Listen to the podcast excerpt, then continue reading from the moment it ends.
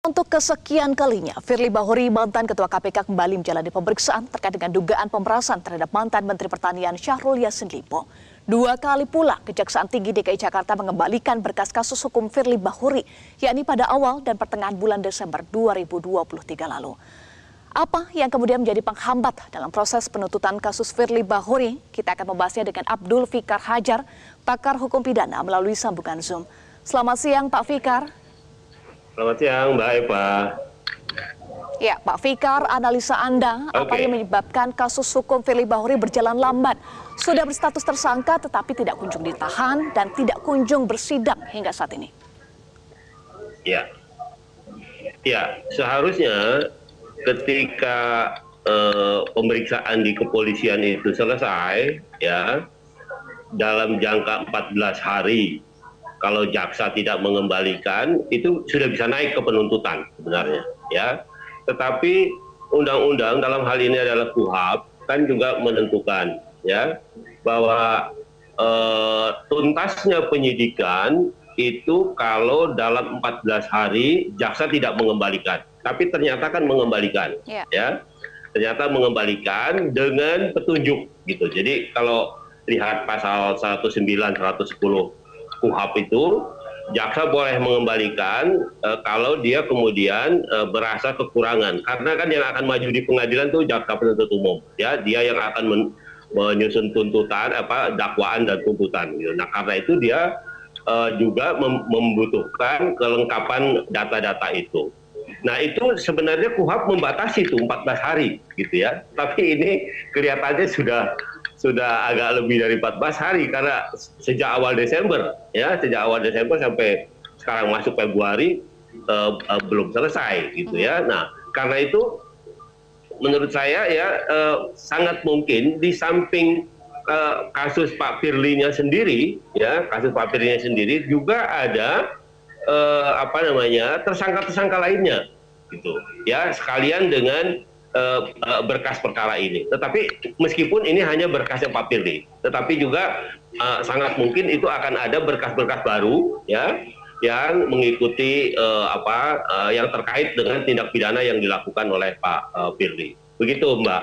Hmm, Pak Fikar, ada batas waktu sebetulnya ya, 14 hari tadi Anda sampaikan. Tetapi kenyataannya Kejaksaan Tinggi DKI Jakarta bolak-balik mengembalikan berkas Firly ke penyidik, bahkan sampai dua kali. Apa yang salah, apa yang sulit membuat petunjuk dari Kejaksaan Tinggi DKI Jakarta tak kunjung dilengkapi oleh penyidik?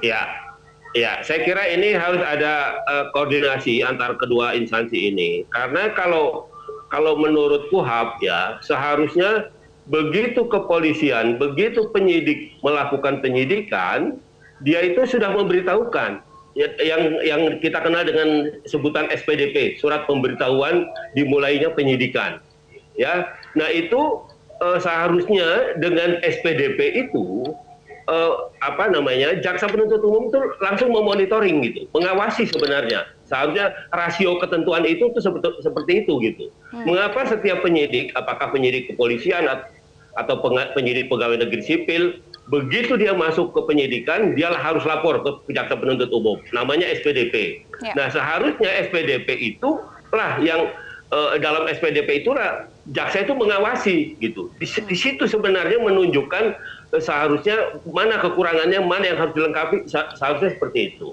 Uh -huh. Tapi oke okay, itu ya. Uh, mungkin karena uh, menjaga uh, apa uh, kewibawaan masing-masing instansi, kemudian membiarkan itu, ya kemudian masuklah ke uh, apa ketika uh, selesai dianggap selesai oleh kepolisian atau oleh penyidik uh, penyidikannya, maka di uh, diserahkan kepada kejaksaan. Nah, kejaksaan punya waktu itu tadi 14 hari sebenarnya, hmm. ya 14 hari untuk mengoreksi itu apa saja yang kurang dan yang kurang itu harus jelas disebutkan gitu karena dari peristiwa ini umpamanya kami akan menuntut uh, pasal sekian gitu ya pasal pemerasan atau penun, uh, apa namanya uh, ancaman dan sebagainya umpamanya. Nah itu yang harusnya secara detail di, diberi petunjuk kepada kepolisian gitu hmm. sehingga kepolisian bisa secara akurat uh, apa memeriksa me, atau melengkapi alat-alat bukti yang belum dianggap lengkap oleh oleh kejaksaan. Nah ini Nah ini sepertinya uh, apa masing-masing instansi tersandra dengan ke ke apa kewenangannya masing-masing gitu. Sehingga ya itu tadi akibatnya bolak-balik yang apa namanya yang sebenarnya sudah melewati uh, tegang 14 hari itu gitu, ya. gitu Mbak. Mm -hmm. Pak Fikar, tiga bulan sejak ditetapkan sebagai tersangka hingga saat ini Firly juga tidak kunjung ditahan oleh penyidik. Apakah ini juga menjadi faktor penghambat penanganan kasus, penghambat kelengkapan petunjuk sulit dipenuhi oleh penyidik? Ya, penahanan terhadap seseorang itu alasannya kan ada objektif dan subjektif. Objektifnya itu ancaman lima, ancaman hukumannya lima tahun. Ya, Firly dengan pasal yang dituduhkan ya baik itu pasal korupsinya undang-undang KPK maupun uh, pasal uh, pidana lainnya sudah cukup alasan untuk ditahan lima tahun gitu. Itu dari segi objektifnya. Tetapi tetapi ada alasan subjektifnya. Alasan subjektifnya itu adalah uh, selain mempersulit uh, apa pemeriksaan juga dikhawatirkan akan melarikan diri atau menghilangkan barang bukti. Nah jadi ada tiga tiga poin itu sebenarnya yang uh, apa uh, uh, bisa digunakan sebagai dasar untuk menahan seseorang gitu. Tetapi sekali lagi yang namanya kewenangan menahan atau upaya paksa itu nangkap nahan uh, geledah sita ya itu kewenangan subjektif uh, penegak hukum gitu. Artinya apa? Kalau dia perlu dia tak dia dia gunakan itu. Ya, kalau dia merasa tidak perlu ya dia tidak gunakan. Ya umpamanya seperti uh, uh, apa perkara Pak Firly ini ya.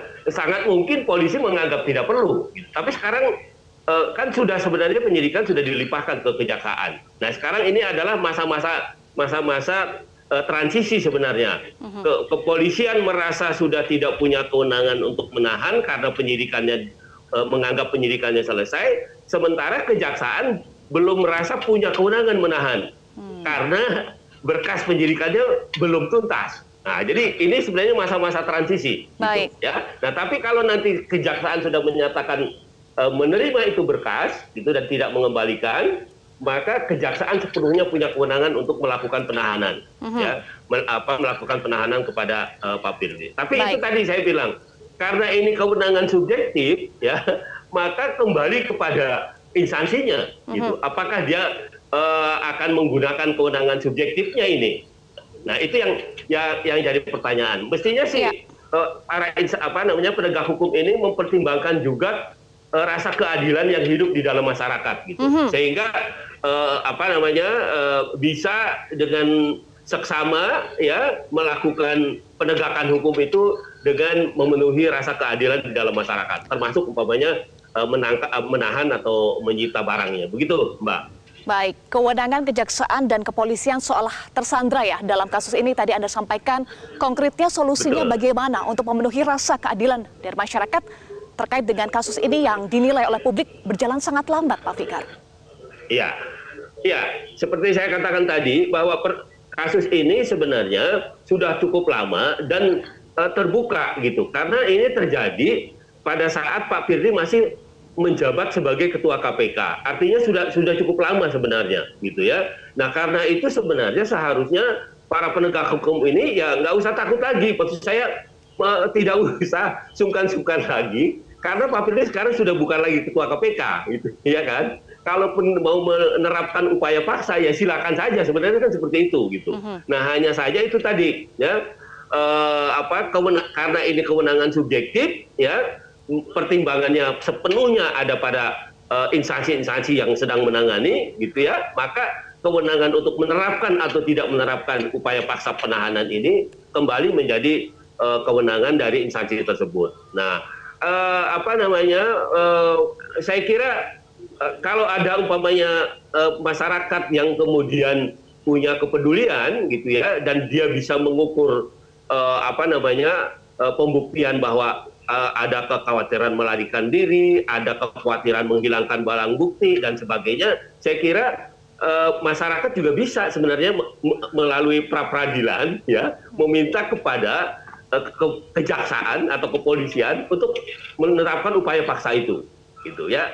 Walaupun walaupun uh, apa namanya Uh, secara tekstual pra peradilan itu hanya untuk menguji penerapan Baik. upaya paksa. Mm -hmm. Tapi ini kita bisa dicoba karena kan eh, penetapan tersangka saja dulu tidak ada di dalam pra peradilan, tetapi karena perkembangan eh, penegakan hukum itu menjadi kewenangan pra peradilan juga. Nah, saya kira begitu juga gitu ya, me- memerintahkan penegak hukum atau meminta penegak hukum untuk men- eh, menahan seseorang karena kepentingan penegakan hukum, ya, saya kira itu juga bisa menjadi eh, arena kewenangan dari pra peradilan. Begitu, Mbak. Baik, kita nantikan langkah tegas dari kepolisian dan kejaksaan ya. Pak Abdul Fikar, terima kasih. Ya. Abdul Ya. Fikar Hajar, Sama-sama, pakar hukum pidana, sudah bergabung bersama kami Ya. di Metro Siang. Jelajahi cara baru mendapatkan informasi. Download Metro TV Extend sekarang.